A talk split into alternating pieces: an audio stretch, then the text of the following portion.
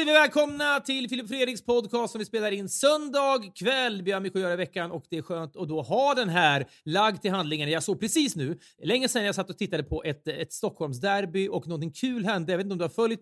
Eh, AIK mötte alltså då Djurgården. Viktig match så in i helvete. Jag följer inte, jag är väl långt från det där måste jag säga. Ja, men då är det då en spelare... Stockholmsderbyn är uppe på listan över det som jag tror jag är mest ointresserad av i hela livet. Dock påverkar det ju möjligtvis då Malmö FFs fram, eh, framgångar och så vidare. Men det är, no, det är någonting med jag vet inte. Det, det, det, människorna som går på Stockholmsderbyn är värdelösa. Det, är mycket möjligt att det, att det är så. Eh, men det som hände var bara, det, i och med att det här är en av de viktigaste matcherna på hela året för AIK och Djurgården har båda chansen att vinna allsvenskan. Och då är det en spelare i, i AIK som heter Nicolas Stefanelli som jag inte riktigt har koll på och som då tidigt i matchen eh, och drar på sig ett gult kort.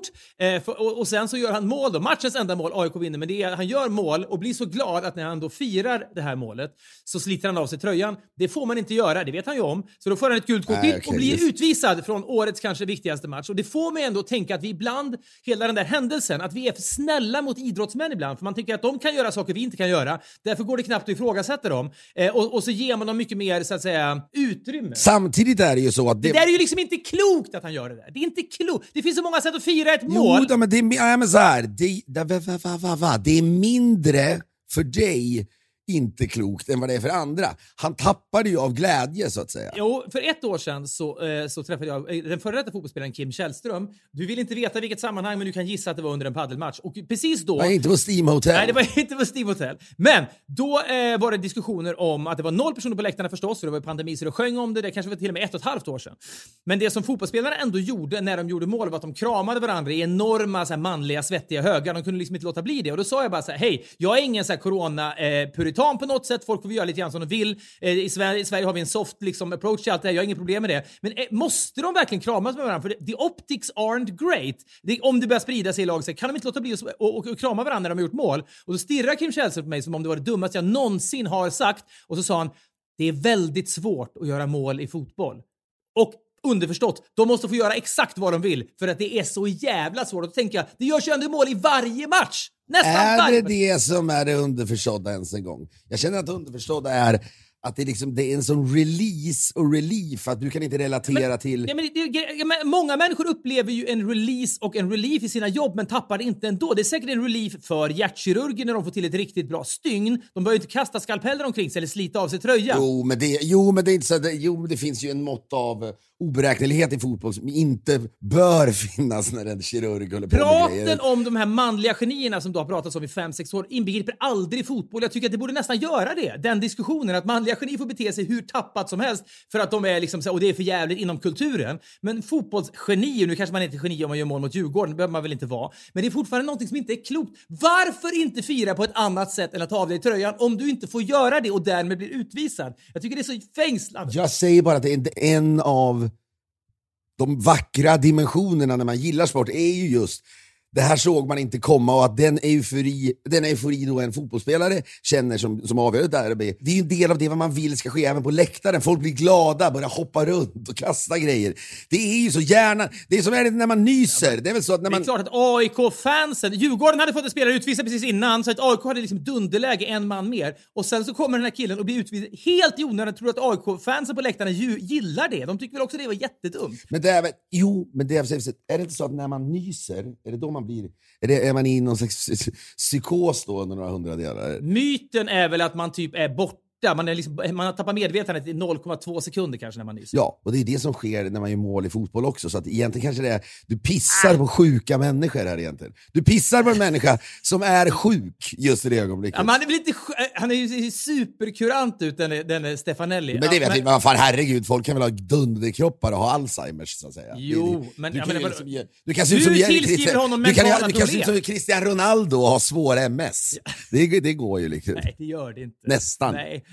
Alzheimers kan du ha och se ut som Cristiano ja, absolut. Ronaldo. Men det är mycket oklart om det är Alzheimer som är orsaken till att Stefanelli sliter av sig tröjan fast han inte får det och därmed blir utvisad. Jag jämför det med Det vore den här kul om nysningen. AIKs tränare kliver in på planen. Ursäkta domaren, men ge honom, fan lite, ge honom lite leeway nu för fan. Han har ju Alzheimer. Ska han verkligen behöva bli utvisad? Nej, Fair enough. Nej, men han, han hade Alzheimer under de här hundradelarna. att, de, att coachen kommer in och försöker det knepet. Du måste väga in att Stefanelli hade Alzheimer i, i två tiondelar och därför kan han inte bli utvisad för detta. Ah, ja, det piggade upp mig. Men, det, men det, är jag menar med att det där, jag tycker att det finns någonting i, jag, jag tror att det där det vi gillar, och det, jag tycker att fotbollen känns mer, om man beaktar att, man är, att det är som en nysning när man gör mål, de där, de där sekunderna efteråt.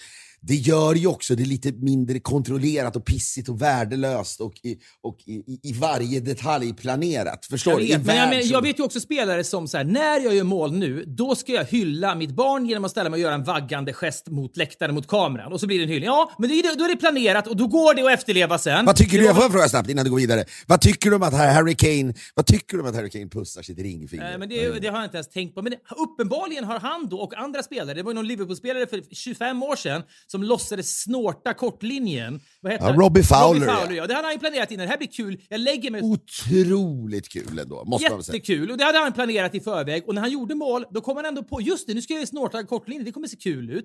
De kommer ihåg det, men den här spelaren kommer alltså inte ihåg det han absolut inte får göra för då blir han utvisad. Det är, det, det är ändå någonting. Det är något, vi behöver inte fastna i detta. Det är sport, det är fotboll. Vi ska inte prata om det mer än i sex minuter, det har vi gjort nu. Vi kan gå vidare.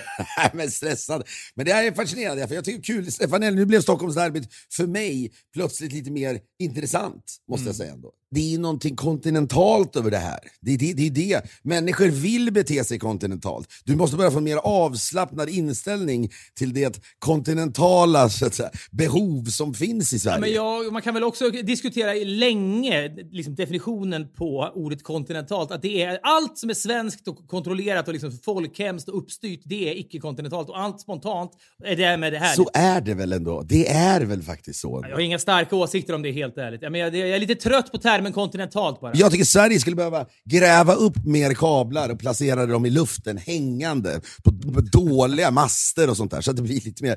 Det ska inte kännas... Det, det, det sitter i det där, även om det inte är så tror Det är möjligt att jag också är i en, i en sinnesstämning nu där jag då eh, roas av människor som tappar kontrollen på ett destruktivt sätt, vilket drabbar den här fotbollsspelaren och kunde drabbats. Han sa, nu vann ju AIK ändå, men det kunde ju verkligen gått åt helvete. För AIK, då hade han ju sannoliken blivit ganska eh, kontroversiell efter den där onödiga utvisningen. Men jag var med om en grej här tidigare i veckan som där jag själv liksom tappade kontrollen lite grann och det kanske har gjort att jag varit ännu mer benägen att se mig om efter fränder, så, alltså liksom själsfränder som också tappar kontrollen och liksom typ gona in mig i någon slags inbillad samhörighet med dem. Jag var i veckan på en biltur och det som hände under dagen var att redaktion, Alla mot alla-redaktionen skulle kontinuerligt skicka grejer till mig som jag skulle sätta mig och skriva. Men jag var precis i kapp dem så det blev små, små flaskhalsar under dagen. Okej, nu sitter de i en timme, då kan jag köra lite bil en timme och sen när det kommer nya grejer då stannar jag bara när jag är på något fik och så fortsätter jag skriva. Sen när jag skriver klart då får jag sätta mig i bilen igen. Sådana dagar har jag ibland. Ofta blir det då E18 västerut, sen blir det eh, öst, eller norrut ifrån Enköping, riksväg 70 upp mot Dalarna. Du är en modern luffare egentligen med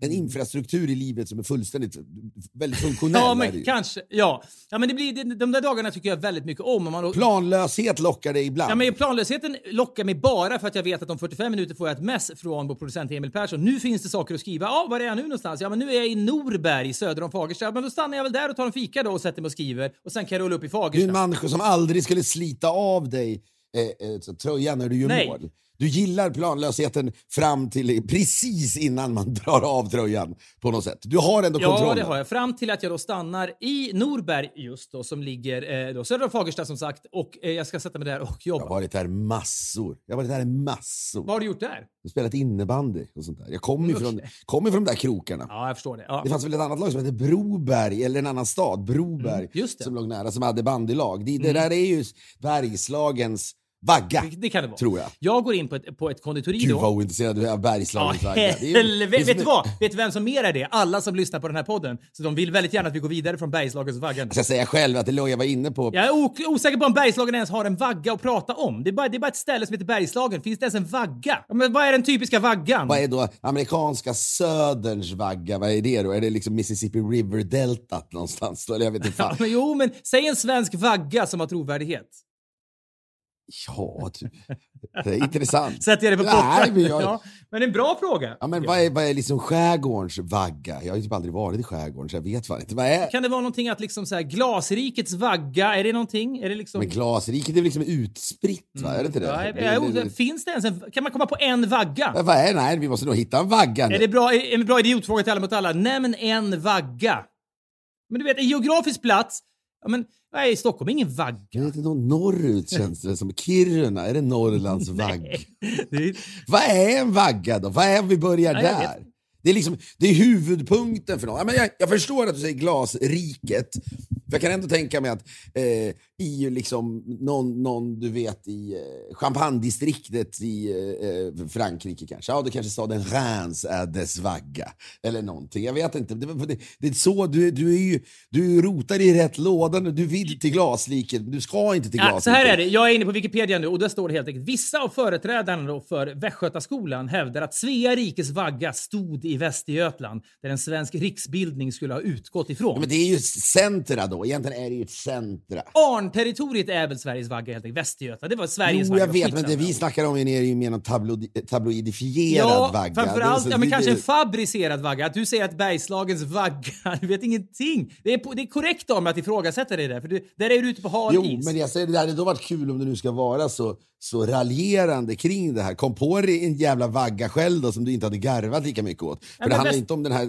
Ja! Men jag men, vi- du har ju använt vagga på andra sätt. Du har ju använt den här mer fabricerade vaggformen i andra sammanhang. Det måste ju finnas en vagga som vi båda blir nöjda med så vi kan gå vidare. Jag är lite tokig just nu känner jag. Om vi inte har en bra vagga. En sekund man ska hitta en vagga. Vagga är jävligt svårgooglat ju, för man hamnar ju bara i bebisgrejer hela tiden. Vagga Norrland då?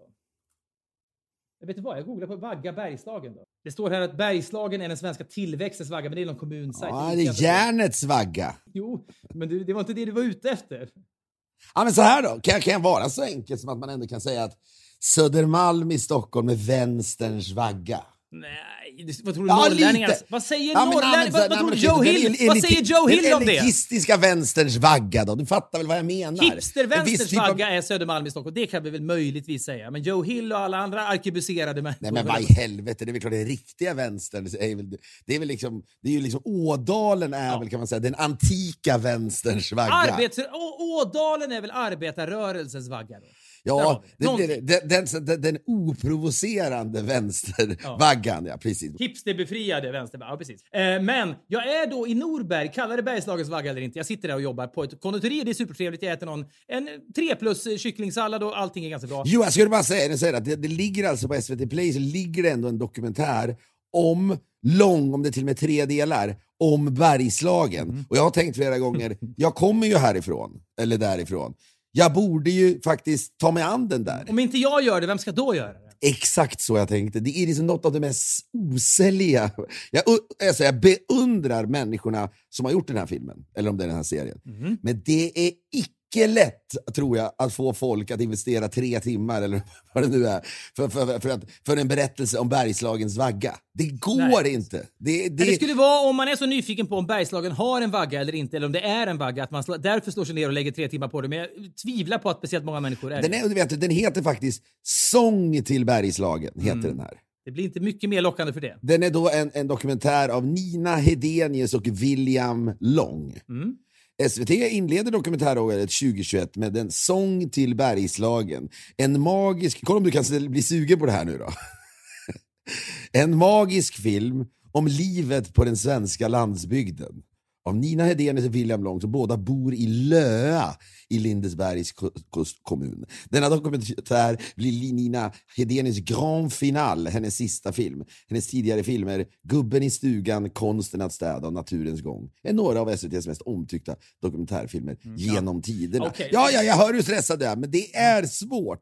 Ja, det, du vet, närheten till naturen och de vilda djuren sätter sin prägel på människorna. Ja, det går inte att göra David Attenborough av Bergslagen. Nej, det är det det de. Har ni tur får ni se ett lodjur i EP2. Ja, det var det jag säger. Det kommer ju ingen liksom leopard, vindsnö-leopard in här. Nej, tycker synd om dem. Nej, synd ska du inte göra. Vet du vad? Det är, det är farligt att tycka synd om andra människor utan att ha täckning för det. För då, då är det väldigt lätt att man börjar tycka synd om sig själv, som någon vis person någon gång sa. Tänk om jag föreslog att vi skulle göra en dokumentär som heter En sång till bergslagen. Då hade du ändå trott att det var över. Ja, kanske. Ja, ja vi, kan, vi, vi ska inte gå in på begreppet en sång till. Så är det, ja, men det känns, ofta kallar man saker, det finns en film som heter En sång till Martin tror jag va, som, så där, eh, är det inte Sven Wollter som spelar en Alzheimer-sjuk person eller något liknande? Men det är Jo, liksom, så är det, man jag. har en titel så är man osäker på håller den där så lägger man till en sång till framför så får man liksom ett skimmer av poesi kring alltihopa och så blir det någonting, inbillar man sig. Det är inte säkert att det är Ja, så. men det, eller hur, det är någonstans, det är som att man skriver, det, det, det kommer väl en hyllningssång till är ju vanligare. En sång till är ju mer pretentiöst. Det är också- Ja, det är kanske så det Det kan börjar. också vara att man, att man, man kaxigare hade varit så här, en, en två plus-sång till Bergslagen. Att man lägger till prefix före sång. En, en okej sång. Men då, då hade det börjat bli intressant. Det hade börjat intressant. Eller en, en, en, en dokumentär om ett dokumentärprojekt som hette En sång till Bergslagen, men sen där, där människorna själva insåg att det gick inte att göra Ja, en sång till Bergslagen. Ja, vi- ambitionen var att göra en sång till Bergslagen, men när vi sitter med materialet i klippningen där känner vi att det är inte riktigt en sång. Vi måste döpa om den. Finansiärerna protesterar, men den måste ju heta en sång till. Jo, men folk kommer att reagera. Det är inte riktigt en sång. Så här, det är otrovärdigt att göra en dokumentär som heter En sång till Bergslagen.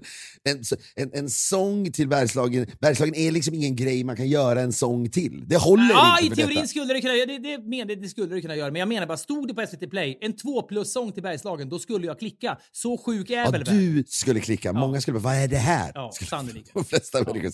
Jag är- Okej, du jag- åker runt, du är i Norberg. Nordberg på ett konditori och äter. Och apropå det här med att, man, äh, att jag då tycker om situationer där jag har kontroll. Jag sitter där inne själv, äh, för lunchrusningen är över och jag har ätit min sallad, sitter kvar och då börjar skriva och sen är skrivningen klar. Tänker okej, det kommer komma nytt material snart. Jag sitter kvar och så börjar jag surfa lite grann. Möts du av leenden där i Norberg eller är det lite, vad gör han här? Är, det han som, är det han som kör en elbil eller? Nej, jag, Säger jag, de. jag, upp, jag uppfattar inte ett enda möte där, där jag kände att någon kände igen mig. Det var ingen, fanns inga sådana situationer riktigt att, att, att, att, beskriva hem om. Det fanns ingen sång eh, kring, kring min, liksom, min vistelse i Norberg egentligen. Det var bara en vistelse i Norberg, det var ingen sång i Norberg så att säga. Men jag sitter där själv, eh, jag sitter och väntar på material och eh, apropå att tappa kontrollen och hur obehagligt det är så sitter jag och surfar runt lite grann och är inne på Expressen.se och ser då en bild på en kvinna jag verkligen känner igen i en av artiklarna. Och jag tror hon är en gammal SD-kvinna som vi hade med i vårt program Breaking News där hon då eh, var speciell tyckte vi för hon hade glasögon som hade skalmar som såg ut som spindelväv. Jag Minns du jag minns. Vi hade, vi var väl, det fanns en tid i, i våra karriärer då skalmar blev, var, var lite Ja, intressant. men det var väl, en- Breaking News handlade i stora delar om att trampa vatten, hitta någonting och fylla 44 minuter varje dag med. Och hade någon då glasögon med skalmar som såg ut som spindelväv, sure, vi kan vi, det gör vi några minuter på. Hade någon väldigt lätta glasögon, ja då blev det en minut tv och så vidare. Man liksom fyllde ju i med det, det som fanns. Jag tycker mig känna igen den här kvinnan. Och jag klickar därför på artikeln. Så fort, så fort jag ser bilden på henne så klickar jag. Och sen så tittar jag på henne noga. Så här, är det hon eller är det inte hon? Så påminner väldigt mycket. Men nu har hon inte längre glasögon med skalmar. Och sen hör jag plötsligt hur det, liksom, att det, liksom, det, det rör sig bakom mig av stolar, trästolar mot det här konditorigolvet. Och jag, och jag inser, okej, jag är kanske inte ensam här längre. Och jag vänder mig om och då sitter det tre personer kanske ett par, tre år äldre än mig, eh, vid ett bord bakom mig och sitter och tittar på mig och på min skärm som då är riktad de, åt deras Som håll. jag önskar att du hade sagt, jag hör hur det rör sig bakom mig, jag vänder mig om och det är tre automatvapen riktade mot mig. Det är liksom, det, det, hade behövts, jag kände, apropå trampa vatten, jag kände här, nu trampar det vatten. Men de stirrar ju då på mig. Tre män med rånarluvor. Maskerade män med automatvapen. Nu har jag verkligen tappat Jag har kontrollen. inte berättat, det hände, hände, hände häromdagen. Jag har inte berättat det här. Ja. men jag visste, kan inte... Och då kände jag verkligen att jag hade tappat kontrollen. Nej, så var det ju förstås inte. Men det- jag, jag blev överraskad över att, att, att de ens satt där. Och de tittade då på mig och över mig och mot skärmen. Och jag tänker också, är känner de också igen den här kvinnan? Men det gör de nog inte, för då upptäcker jag att rubriken till artikeln är då Tre personer berättar kolon, därför älskar vi analsex. Och jag har suttit och stirrat så mycket på den här att de har förmodligen eh, sett det här och tycker att det är kuriöst förstås att jag sitter ensam på ett konditori uppslukad i en Expressen Premium-artikel om analsex. Tänk, de kanske inte, tänk om de inte ens tycker det är kuriöst, de tycker det var kul att, vi, att vi, det är fler som oss. Att, att, det, att det, Ja, rörelsen jag, jag, växer. Jag vet, jag vet jag ska inte säga att du har en liberal syn på analsex just, men du har en, du har en syn som, vad är problemet med det där då? Men är man no, pryd överhuvudtaget lagd så är det för jävligt att inte kunna förklara sig. Jag kan inte resa mig till dem och gå bort. Jag tyckte jag kände igen den här kvinnan. Hon brukar ha skalmar som påminner om spindelväv. Jag var liksom... Du kan också säga, ja, jag är väl lite intresserad av det här. Det spelar väl ingen roll? Nej, jag vet att i teorin skulle du säga... Jag är inte säker på att du skulle vara speciellt avslappnad i den situationen heller. För de sitter där och tänker, den här mannen har liksom kört in ansiktet i skärmen i den här artikeln om analsex. Så mycket vill han lära sig om varför man älskar analsex. Och jag, var, jag kunde inte göra någonting så jag var tvungen att bara packa upp mina grejer och gå därifrån och tänka att de där människorna får tro det här om mig. Får, det, livet går vidare. Jag förstår att du tycker att det här är ingenting, men för mig var det fruktansvärt. Vi är denna vecka sponsrade av Mathem som ju gör vardagen enklare och skönare. För det är väldigt smidigt när man kan hitta allt på ett ställe. Det kan vara allt från mat, bröd från ditt lokala bageri eller då användbara saker från Clas Ohlson. Man behöver batterier, någon lampa eller du vet, något, du vet batteri som, som du vet, små såna myntliknande batterier som är omöjliga att hitta tycker man. De hittar man här. Receptbelagda mediciner via Kronans apotek och så vidare. Du älskar också det här. Du ringar in något här med sådana små platta batterier, runda. Och man ska ge sig ut på stan och leta efter dem. Då kan man liksom vandra runt på stan i flera timmar och ändå lyckas man inte hitta dem. Och i det här fallet då kan man få dem levererade direkt till dörren. Och jag använder ju då själva mattjänsten väldigt ofta när jag då flyger till Sverige för en snabb vända av jobb. Det är så jävla intensivt. Jag vet att jag inte kommer eh, hinna till någon slags matbutik. Va? Så redan då när jag landar, kommer till lägenheten i Stockholm, då står de här, du vet, de här påsarna utanför min dörr och bara skänker mig guldkant i tillvaron. Med koden Filip och Fredrik 100, eh, ett ord, Filip och Fredrik 100 med siffror på slutet får man 100 kronors rabatt även då existerande kunder till och med 17 oktober. Ett väldigt, väldigt bra erbjudande. Detta vi säger stort tack till Mathem! Vi är denna vecka sponsrade av Asket, klädmärket då, som vill att vi ska köpa färre men bättre plagg som håller längre. Vi har ju varit fans av Asket i flera år nu och den här devisen tycker jag verkligen håller. Tidlösa grejer man kan ha på sig många gånger som håller oavsett modets skiftningar. Nu har de då också släppt The Cashmere Sweater som är gjord i återvunnen kashmir för både herr och dam. Det är härligt tycker jag att Asket tar sig an kvinnoplagg. Jag kan inte mycket om den världen, men det känns som att Asket kan det. Så är det. Det är också någonting med cashmere, eller kashmir, som man väl ska säga egentligen. Men just den här heter ju The Cashmere Sweater även i Sverige, så att säga. Askets mm. nya flaggskeppsprodukt. Det är någonting, kashmir, man kan aldrig få nog av kashmir. Jag är lyckan jag känner när jag får ta i kashmir och veta att jag ska, ska få ha på mig det. Den kanske nästan är lite överdriven, men du har själv sett Men Kashmir är ju heller inte egentligen speciellt bra för planeten då tydligen. Kashmirjättarna är då fler än vad planeten klarar av. Land eroderas där de trampar och betar och metanutsläppen ökar. Sen måste man också hantera den här Kashmiren och så vidare. Så därför så använder ju då Asket såklart 97% återvunnen Kashmir och 3% återvunnen ull. Så är det. Gå in på asket.com ff eh, och Asket skickar då med ett ulltvättmedel när du köper den här kashmirtröjan eh, så att den håller riktigt jävla länge. Vi säger stort tack till Asket! Men det vi pratar om, Breaking News tycker jag ändå är intressant här, när du pratar om att vi under så många år ändå gjorde tv-program eh, där, där man egentligen, ja, det trampade vatten, men det blev lite av konstformen och det som var kul var, vi ska göra 44 minuters eh, tv varje dag, ja, då kan nästan vad som helst bli tv. Så det blev ju väldigt mycket kuriösa saker som, som, som fyllde de här eh, minuterna. då. Eh, och sen så var jag, jag var med i eh, Skavlan, det sändes i, häromdagen, var det i fredags sändes det? Jag noterade, jag har inte sett programmet, men jag såg att du hade kostym på dig. Ja, visst hade jag det. Jag hade med mig... Kostym på hade du väldigt kul åt när jag, när jag äter mina middagar med Schulman exempelvis. Men det är skillnad. Jag vill påstå... Men nu kan du försöka deflekta här, men det, det, jag blir lite rörd. Att det är skillnad! Jag kände som att skillnad. Skavlan kallar. Nu gäller det att sätta på sig fin ja, Det är lite att gå i kyrkan. Det är att gå i kyrkan. Det är det inte. Men det kändes som att du... Bara jag såg den här bilden så tänkte jag nu har han ansträngt sig för mycket. Så speciellt är det inte med Skavlan säsong 26. Det är någonting med det som jag noterat. Ja, men roligt, roligt. Jag, jag skulle hälsa från Skavlan. Han sa det. Jag, jag, vet att Fredrik ofta blir lite besviken över att han inte får med, men får hälsa, hälsa honom att han snart får vara med igen.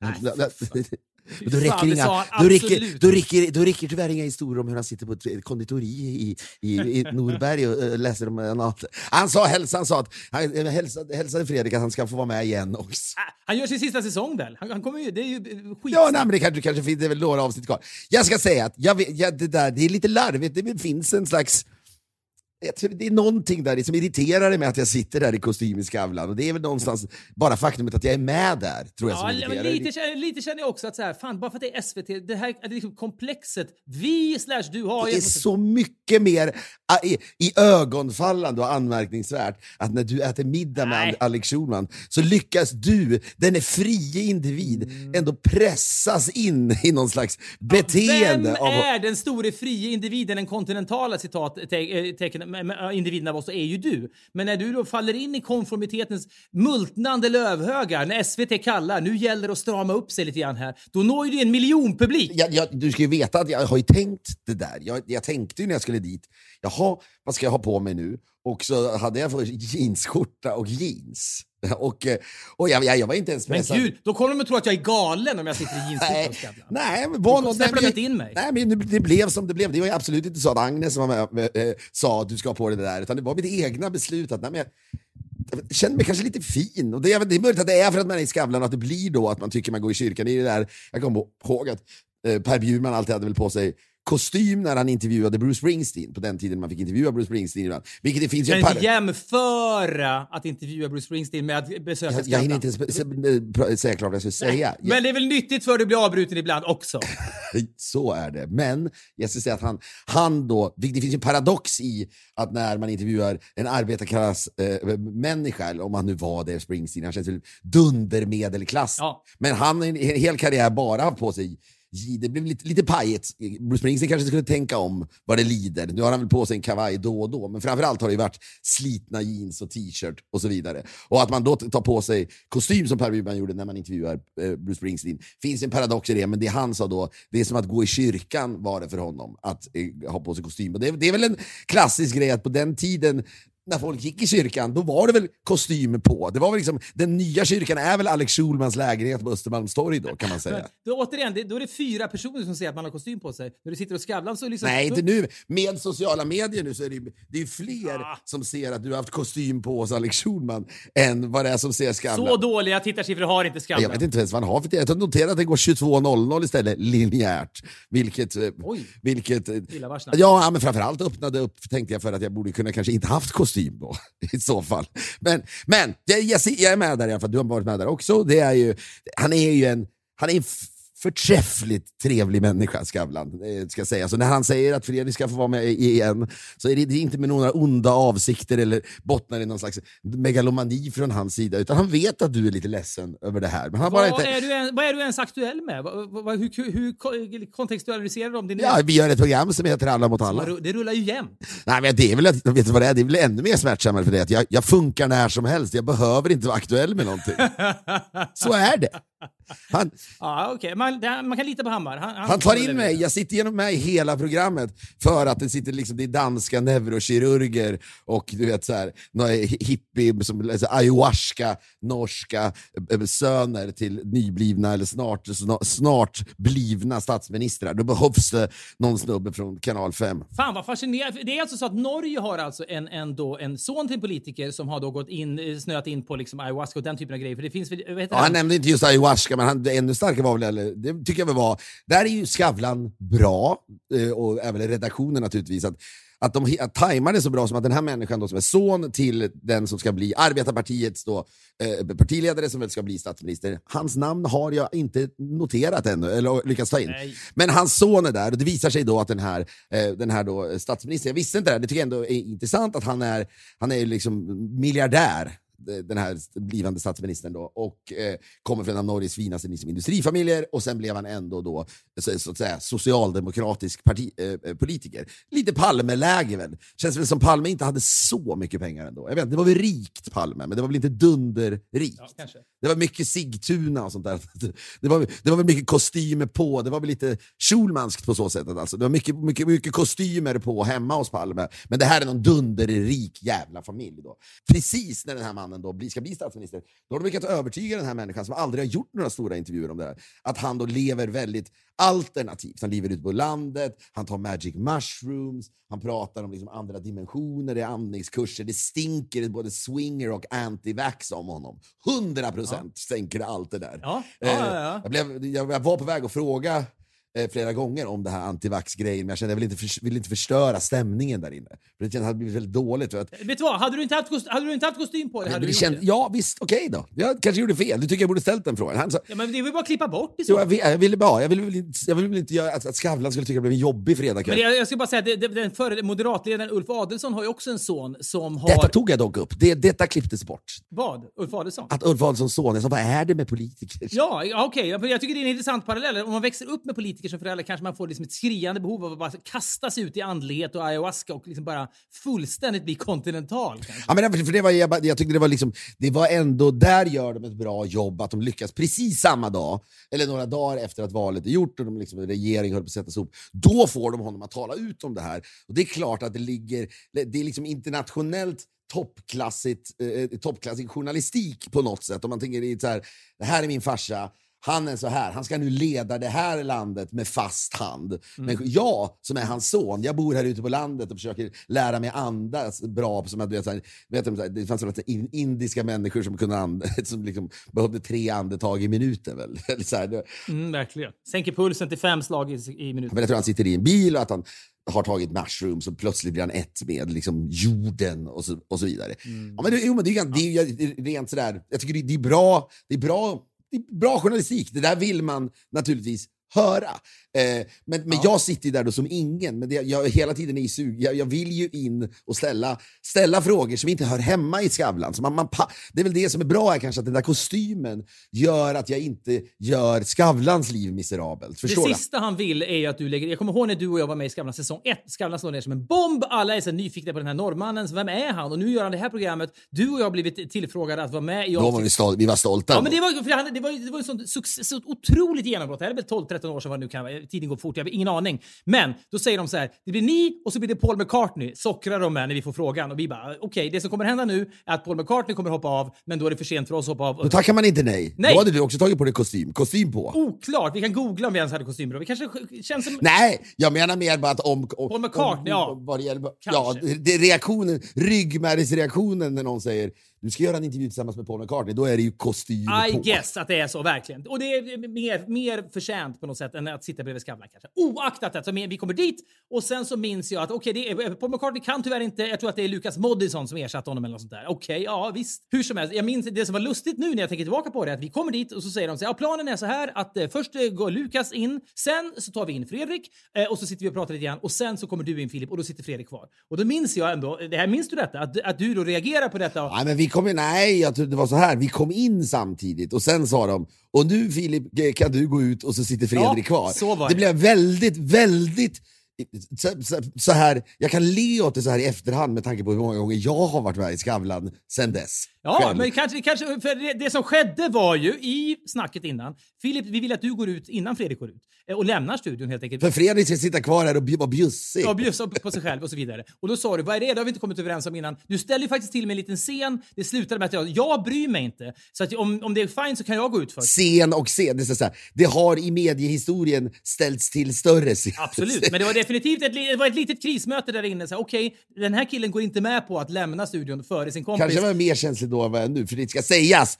Jag vill understryka det här, att jag är med i Skavlan. Nu har vi hamnat i det här som att, Ja. att du, du har fått igenom en känsla av att jag tar på mig kostym för att jag tycker att det är jättestort. Det, finns, en, det finns någonting intressant observationsskt i det, att jag gör det. Men det är inte så att jag går runt och tänker i dagar på att jag ska vara med här. Jag ska bara säga, när vi var med den gången i Skavlan, vilket också är intressant, då man uppmanas, flika gärna in, är ju det de säger, för att det ska bli ett levande Mm. Det var samtal. nytt när Skavlan kom, och det hade gjort förut, men det var väldigt uppmärks uppmärksammat då att det som är speciellt här, Robbie Williams är gäst och så sitter kanske en hjärnforskare, så börjar de prata med varandra. Det är helt otroligt. Programledaren Skavlan behöver inte ens lägga sig i. Det blir ett free-flowing eh, samtal mellan människor från olika walks of Men det life. var lite unikt måste jag säga, det Skavlan gjorde. Att det just var neurokirurger som och möter Robbie Williams, så att säga. Men det, det jag minns då, Ja, det fanns, det fanns någonting i det som jag tycker är spännande. Men du var ju väldigt... Du tog, jag kommer ihåg, jag minns att du tog det där, du tog dem på orden när de sa flika gärna in. In och du började, plötsligt säger du liksom lite orytmiskt från ingenstans, men du då Skavlan, vem är du då? Kommer du ihåg det?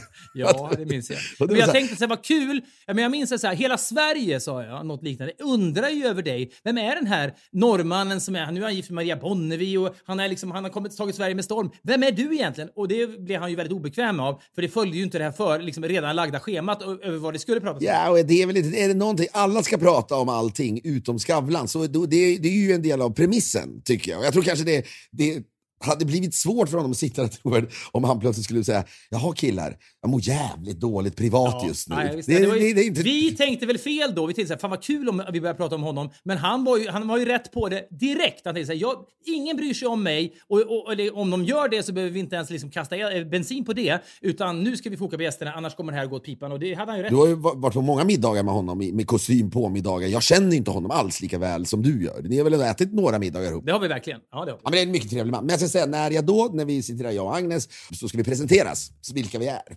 Och eh, vi har ett litet in- inslag om er. Jaha, sitter jag där. Ett tecken på att jag ändå, man är känslig, ständigt på tårna för hur man ska, hur man ska då eh, presenteras. Då, är det, då klipper de bara fram och tillbaka, en Agnes-grej, en min grej och så, och så vidare. Börjar med Agnes som är i Tårtgeneralen och sen nästa klipp, jag är alla mot alla när jag nästan flyger upp ur stolen då och manierat skriker åt eh, eh, Gustav Hammarsten. Det här bantert vi har då med varandra, Ja, som vissa ibland tror är på riktigt. Det är roligt ändå när folk säger ja, gud vad arga ni är på varandra och så vidare. Ja, men så gör vi det. Och sen klipps det Agnes i typ Vår tid är nu eller något. Och sen är det den sista grejen på mig. Och innan det blev någon här bild på oss ihop. Det är när jag står och försöker kasta sönder något, du vet, något, så här, något, något, något fönster i just breaking news. När vi ska försöka illustrera hur svårt det är att göra en, en smash and grab. Mm. Då tänker jag när jag sitter och ser det, du kan nog se det framför dig vad som händer inne i mig då. Okej, när nu Filip Hammars karriär ska summera sitt litet intro, då är det att han är en skrikig gubbe i tv som dessutom håller på att ge larv, larvig journalistik när han ska kasta sig. Det är liksom det. Hon måste ha, jag utgår från att det är en hon, och hon måste hata mig, den människan som klippte ihop Det det finns där. en viss stråk av paranoia i det du säger förstås, men det intressanta med det är ju att det där är ju en försmak på dödsrunan ändå. Jag menar, ska du sammanfatta... Har vi snackat om det lite Jo, grann? men jag säger bara, ja, men gud, det finns olika typer av dödsrunor, men man får ju aldrig se dem innan. Magnus Uggla skrev en skiva, eh, släppte en skiva som heter Varför ska man ta livet av oss för när man ännu inte får höra snacket efteråt, vilket ju är en härlig, bättre titel än En sång för Bergslagen, om man så vill. Men Eh, det där är ju ändå en försmak. Om du ska sammanfatta Filip Hammars liv på 25 sekunder, vilket Skavlan-klipparen har fått i uppgift att göra, då väljer ju Skavlan-klipparen det där. När du kastar en sten mot en bilruta i Breaking News och vrålar på Gustav Hammarsten. Du kan ju förstå att man inte blir, man blir inte Ja, jätteglad. men nu sen, när du sen går hädan, då ska ju någon annan klippare sammanfatta dig på 25 sekunder i Aktuellt eller Kulturnyheterna om du har tur. Och då är det kanske, det, det, det är väl det typ det där det blir då. Det är ju superrimligt. Alla de där som sitter och redovisar kulturnyheter på morgnarna, de är väldigt avmätta och, och, och de är o- obrinnande människor. Det är Sveriges mest obrinnande. Men det är också tidigt för dem. Jo, men det är något extremt obrinnande. Det är verkligen, ja, och nu är det dags för, nu ska alla, varenda dag ska det pratas om Britney Spears. Jag, vet, jag orkar inte prata om det, men det är, det är något speciellt Nej. med människor som viger sina liv åt Britney Spears. Eller- Don't get me sto- det är någonting med, alltså så här, det här skulle vi kunna prata om i helt program, jag ska prata om det nu i 15 sekunder. Men, men alla de människorna på sociala medier som vi liksom följer denna rättegång liksom, till punkt och pricka och frossar, de frossar ju i den. Det är bara ett annat typ av frossande än de paparazzibilderna på henne när hon rakade håret och slog ett paraply mot, mot bilen. Det är samma typ av frossande, men nu tycker de att de är liksom någon slags liksom förkämpar för Free Britney hit och dit. De tycker att det är liksom, de hjälper typ henne på något sätt. Det här är inte alls frossande. Det är exakt samma tabloida ytliga frossande som när man häpnar över bilder på någon rakar av sig håret. Som nu används som ett exempel på hur hon misshandlades medialt tidigare. Men det är samma typ av misshandel. Det är bara att det sker under någon slags liksom, jämlikhetsflagg. Och, Ja, men det, det är roligt fruktansvärt. folk, folk förpackar sitt intresse i det här som att de Ja. plötsligt har då ett intresse och vill liksom kasta Men det ljus på det här med goda ja, män. Det, det, det är liksom frosseri förklädd till empati. Det är precis vad det är. de som är en del av kultur, de här popkulturella nyheterna i SVTs nyhetsmorgonsändningar, de älskar det där. De tycker att de är edgy när de pratar om vad som har hänt Ja. i Britney, Britney, Ja, ja. Britney jag tycker inte de är Gates. typiska målgruppen för detta, men visst, de kanske kan räknas in. Jag har inte sett de här människorna du pratar om. Nej, men jag tycker att det känns som att jag varje morgon när jag är i Sverige ser att de pratar om Britney. Kan ha fel, ibland så har jag fel. Men, men, jag, men, men, jag, men, men det, är, det, det är det där, den här känslan av att nu, det, är ingen, det är ingen som lägger tid på att kolla, tänk om hon är jättegalen så har verkligen det har varit bra att hon har en god man. Det, det, fin, jag, så här, jag vet ingenting om det, men så är det. Men när jag då ska bli de där 25 sekunderna, ja, då är det klart jag ska inte räkna att jag, jag blir ju någon, det blir ju en ännu värre summering av min karriär där än vad det blev i Skavlan så att säga. Det blir Ja, bara om det, breaking om det är kulturmänniskorna på morgonen som avmätt sitter och sammanfattar det, ja då får du stålsätta dig för, så att säga, postymt för att Och bli du kommer givetvis få en släng av sleven, för du kommer synas i två bild med mig. Så det kommer vara han den där andra som också lever, som också gapade och skrek. Som sen gick vidare när, när Filip ville göra en dokumentär om Bergslagen. Vi är denna vecka sponsrade av Kura of Sweden. Vad är viktigt för dig när du sover? Är det att du känner dig trygg? Att det är någon som liksom håller, att du är i en konstant kram av någon? Är det det det handlar om? Det, det, så här är det, du är ju också en ambassadör för det här, men visst, i det här fallet är det väldigt tydligt att jag är den som går liksom längst fram i kurabräschen när det handlar om dig och mig. Och visst, så är det. Jag känner mig trygg, jag behöver trygghet ibland. Du är medveten om det. Det är inte så att alla som köper eh, kuratecken behöver trygghet, utan i slutändan handlar det väl om att kunna sova bättre, att också somna bättre. Och jag, jag, jag visade faktiskt ett kuratäcke här för några av mina amerikanska vänner här när vi hade middag i lördags. Och en och en la de sig på soffan och jag bäddade in dem med de här kuratäckena och de blev liksom helt galna av entusiasm. Och jag tycker verkligen att man ska testa eh, Kura för det har, jag, jag kan erkänna det utan omsvep här, det har förändrat livet Livet för mig. Eh, med bättre sömn blir ju vardagen bättre och det håller ju alla med om. Du håller med om det för jag blir lättare att ha att göra med. Min tjej känner likadant. Adderar ni koden FilipFredrik25 så får ni dessutom 25% rabatt. Vi säger stort tack till Kura. Vi är denna vecka sponsrade av Hedvig. Det är ju försäkringsbolaget som har varit med oss så länge. Eh, Det vattnas i munnen på mig. Är det ett år Ja. nu? Är det ett det år nu? känns som. Jag vet inte, det känns som att det är ett år. Men de har ju då revolutionerat den här branschen med sin snabba Mm. service. Det tar ibland bara några sekunder innan ditt ärende är Mm. behandlat och pengarna du förtjänar är på ditt konto. Jag sitter där och famlar Mm. i huvudet. Vi gillar, både du och jag, är det analogier? Kallas Mm. Komparativa det man studier. Ja, jag förstår vad du menar. Kompara... Oh, vad länge sedan du Ja, använde det ordet. men man försöker se, vad är, vad är de? Om du skulle säga, om låt säga, nu sätter jag dig kanske på pottan, om Hedvig en, om Hedvig en smak, vad Men vet du vad? Jag skulle säga en färsk hallonbåt kanske, för att den smaken kommer så snabbt till en. Det är en, en snabb belöning. Men, Är det, G, är, det, är det hallonbåten som är godisgrejen? eller Eh, godis, godisgrejen. Alltså, glassbilens Nej, nej, nej, nej, hallonbåt? god- Godisgrejen. Så nu, nu är den så färska så att de nästan du vet, är mjuka i munnen. Smaken kommer direkt, den sitter i länge, den är tillfredsställande. Jag tycker att det kanske må vara en långsökt liknelse, men hallonbåtar i den absolut bästa formen, det är vad Hedvig är. för Vet du vad jag ska säga nu? Vad ska jag säga nu? Vi säger stort tack till Hedvig Försäkringsbolagens hallonbåt! Och så landar vi och så är vi tillbaka i studion där. Då. Efter presentationen där du har framstått som en gapig gubbe. Liksom. Du, och du som känner mig väl vet ju då, att jag till och med tar upp det här, så är det som jag hör ingenting. Jag sitter bara och tänker på det där och så tänker jag, ska jag nu ta upp det här?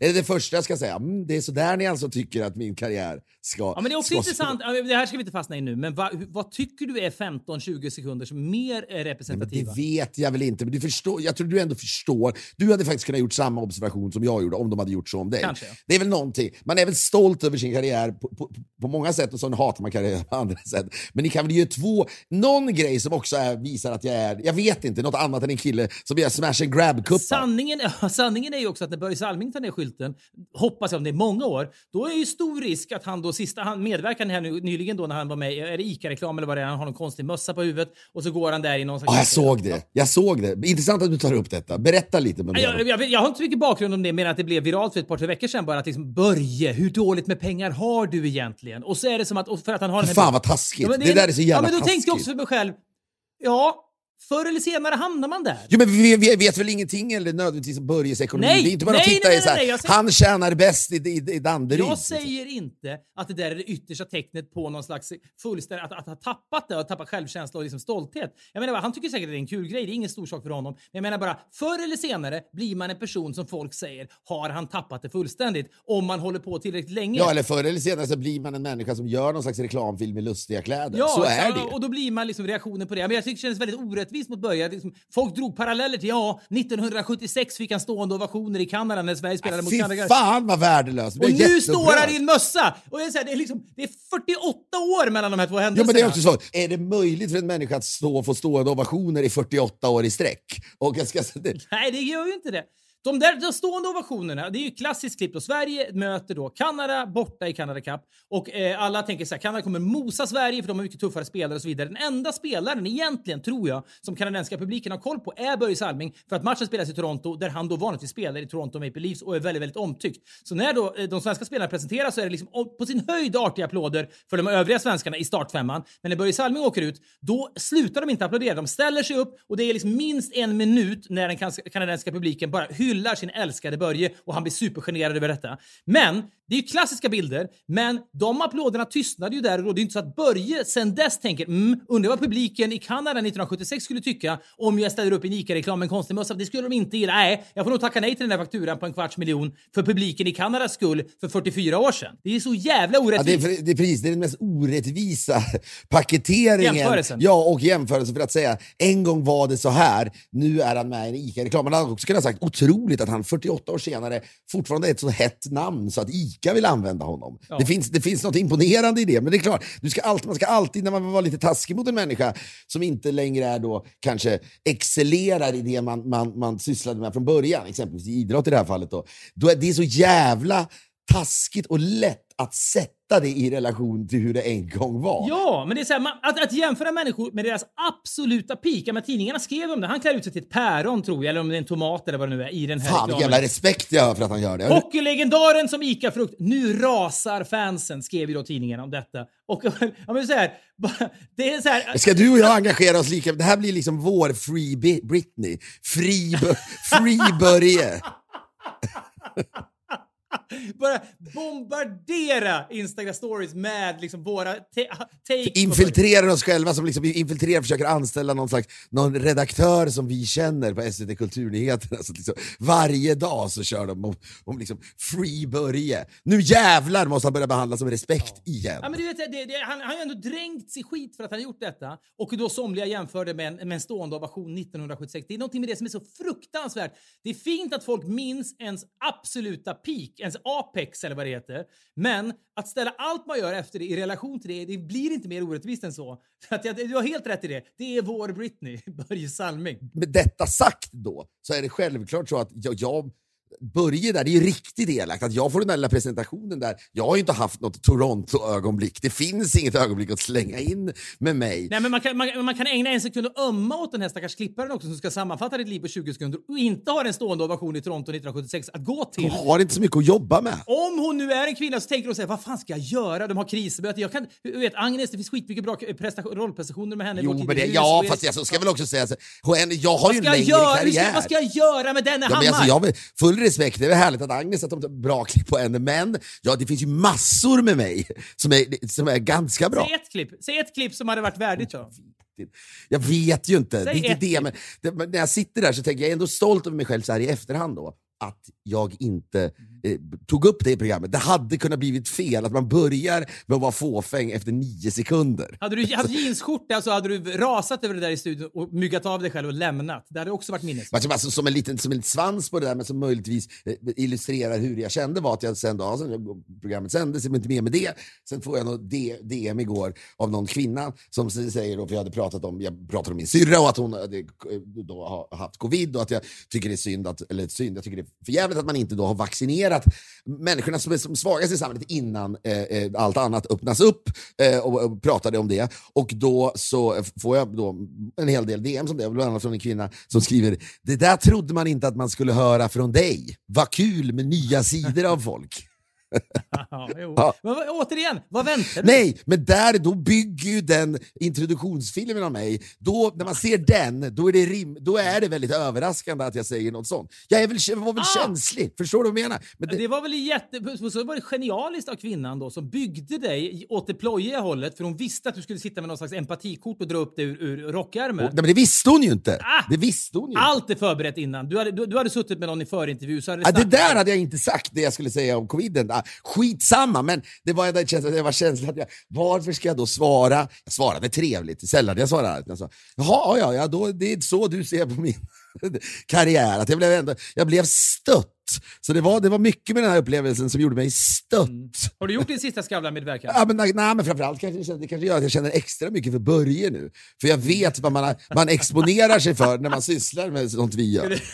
Ska du ringa Börje och säga Fan, jag har hört att du har haft det jobbigt nu. Ska vi, ska vi ta en lunch och bara snacka lite? Men jag vet att även du har det här i dig nämligen. Att, att den där känslan av att, att, man, det är någonting, att inte ha kontroll över det, ens kommande leg legacy eller Nej, men eftermäle. det är också, så här, det är också en, det är en metafor för man, man har inte den typen av kontroll i livet. Man kan, man liksom, man kan vara en fotbollsspelare som gör mål och tappar kontrollen. Man kan sitta och liksom vrålsurfa om analsex på ett fik i Norberg och göra bort sig inför främlingar. Och när du sitter och Skavlan, det, det intressanta, så har du ingen kontroll över hur du presenteras, men det intressanta är, det finns ett SVT-komplex i detta också. Du är lite på tårna när du kliver in där för du tänker åh, de ser mig som en tingeltangekille från kanal 5. Hade du fått exakt samma presentation hos Tilde de Paula så hade du inte brytt dig, eller hur? Nej, nej, nej. Och precis. Det är som sagt det gör ju att man hamnar lite på tårna. Men jag skulle säga det här det vi pratade om en Börje och hur folk älskar att frossa i från det här till det här narrativ. Från Karate Cup-ovationen till ICA-reklam. Ja men exakt, och det, i, i mitt fall så är det ju lite Titta, vi har släppt in den här människan i Skavlan-studion. Inte riktigt, utan snarare... Han krossar rutor i sin egen studio. Vad ska han hitta på här, tro? Han har kostym. Ja, men det, det, är liksom, det är inte riktigt samma sak egentligen.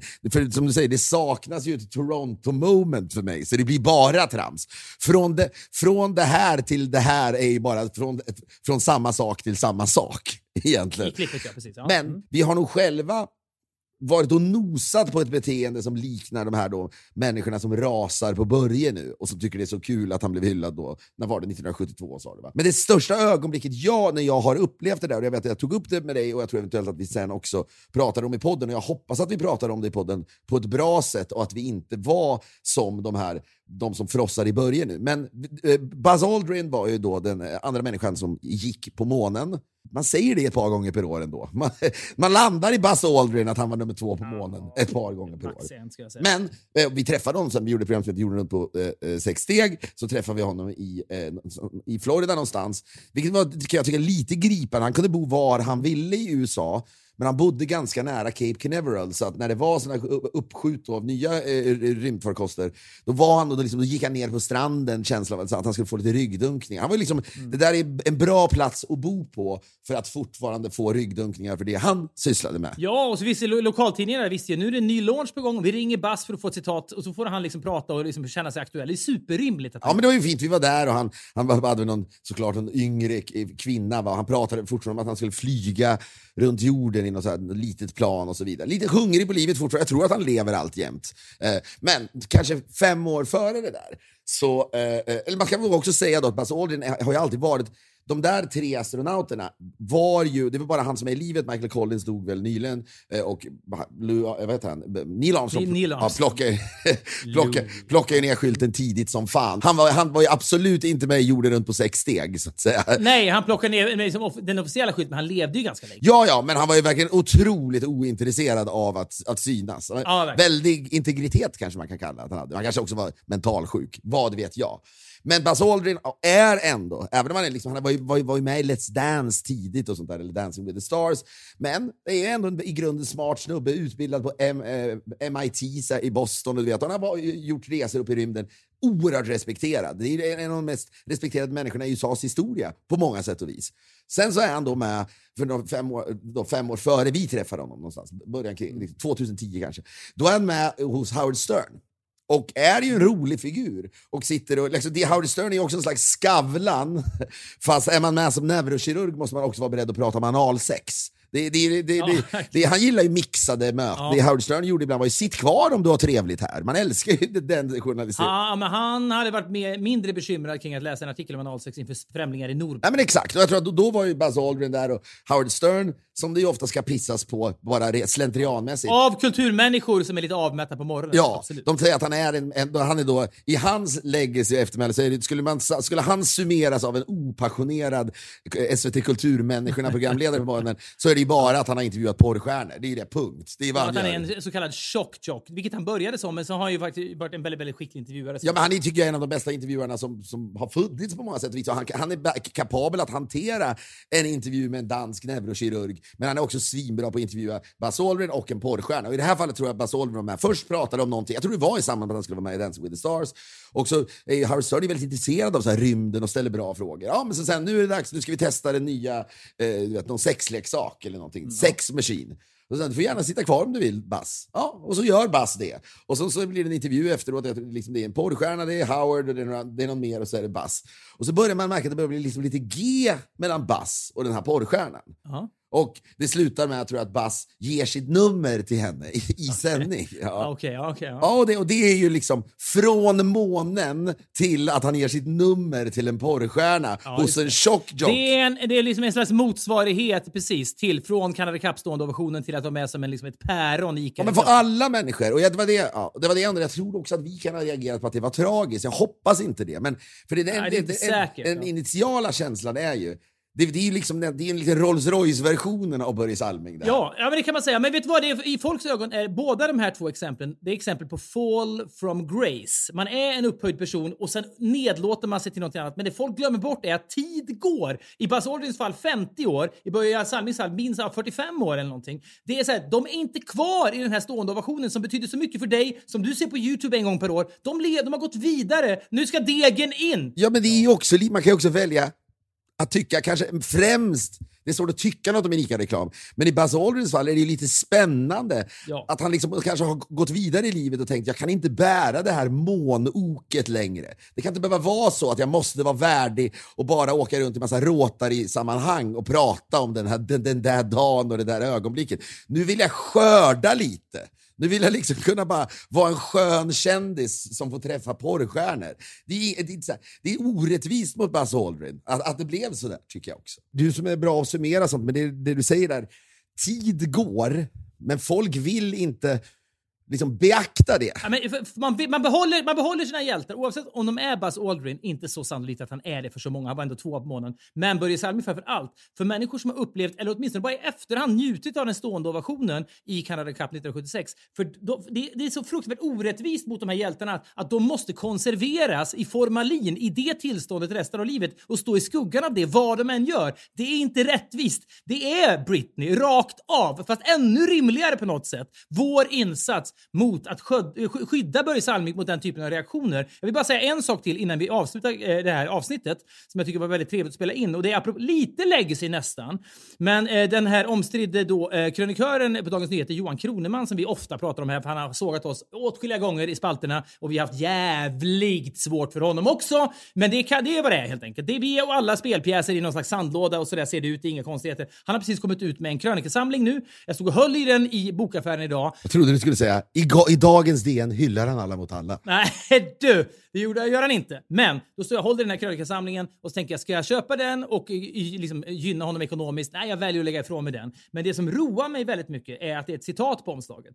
Och citat på omslag på böcker är ju nästan alltid hyllande citat från, eh, från recensioner, eller hur? Aftonbladet säger det här, tidningen Arbetet. Ja, ja, ja. Ju mindre tidning, desto liksom svagare är ju ändå hyllningen på något sätt. Om det står liksom, eh, tidningen, någon tidning i Flen, då förstår man okej, de stora tidningarna har inte tyckt speciellt mycket. Jag tror att liksom när vi släppte Tårtgeneralen jag för mig att Östersundsposten, nej, Kristians, Kristianstadsbladet var med på, på, boken. Ja, men jag tror även tidningen Arbetaren gav högsta betyg. Så den, den, då hamnade den högst, som, högst upp. Liksom, det, och liksom Ådalen 31-tidningen tyckte om vår film. Då hamnade högst på planschen. Men det intressanta med Johan Kronemans då, krönikesamling, som har kommit ut precis nu, är att det är inget recensionscitat på omslaget.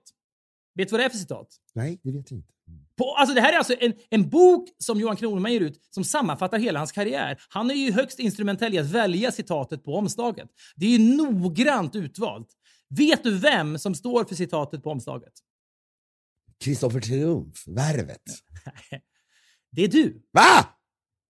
Det är du som står för citatet på omslaget. Jag blir jätteöverraskad av detta. Vet du vad du säger? Ja, vad är, vad är, vad är citatet då? Citatet är så här. Johan Kroneman håller ju då på IFK Norrköping, eh, fotbollslaget. Eh, och då har du sagt så här.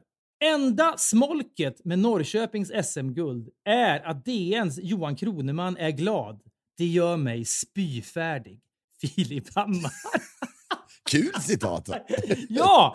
Vet du vad det är? Det är ett citat av en människa som inte har kostym och Skavlan, kanske, vad vet jag. Men jag, det- jag, jag måste ändå ge Johan Kroneman att det, det, jag vet inte om det säljer en enda bok. Jag vet inte om det är så kommersiellt. Om. Nej, det alltså, känns det som att det, det är inte så mycket. De som köper den där boken bryr sig inte om mig. Nej, de är avskyr säkert redan dig i grunden ändå. Men det är någonting med det där som, som fick mig att må... Jag, jag tyckte det var, det var typ det bästa Johan Kroneman. Ja, det är bra, för det blir också ryckt ur sitt sammanhang. Det har inte riktigt, vad, vad har det, varför ska det locka till läsning av boken? Nej, det är, jätte, det är jätteöverraskande på så. Jag menar, så här, det är inte så heller att... Jag menar, hade det varit citat av honom, som, och titta här har vi en mening av Johan Kroneman som är så välformulerad och spetsig att du måste bara köpa den här boken. Men det här är någonting du, du har sagt om honom i något jävla... Jag vet inte ens när du har sagt det. Förmodligen strax efter att IFK Norrköping vann sitt SM-guld för några år sedan. Men att det då hamnar på omslaget av hans bok som sammanfattar hela hans karriär gjorde mig väldigt, väldigt eh, överrumplad och lycklig. Och så ser livet ut ibland. Det är det som vi livnär oss på när vi hämtar styrka till den här podcasten och får styrka och inspiration ur den. Maila oss gärna till podcast.poddff.com. Vi tycker så himla mycket att höra av Sveriges smartaste jävla poddlyssnare och vi hörs igen om en vecka. Ha det bra så länge. Hej!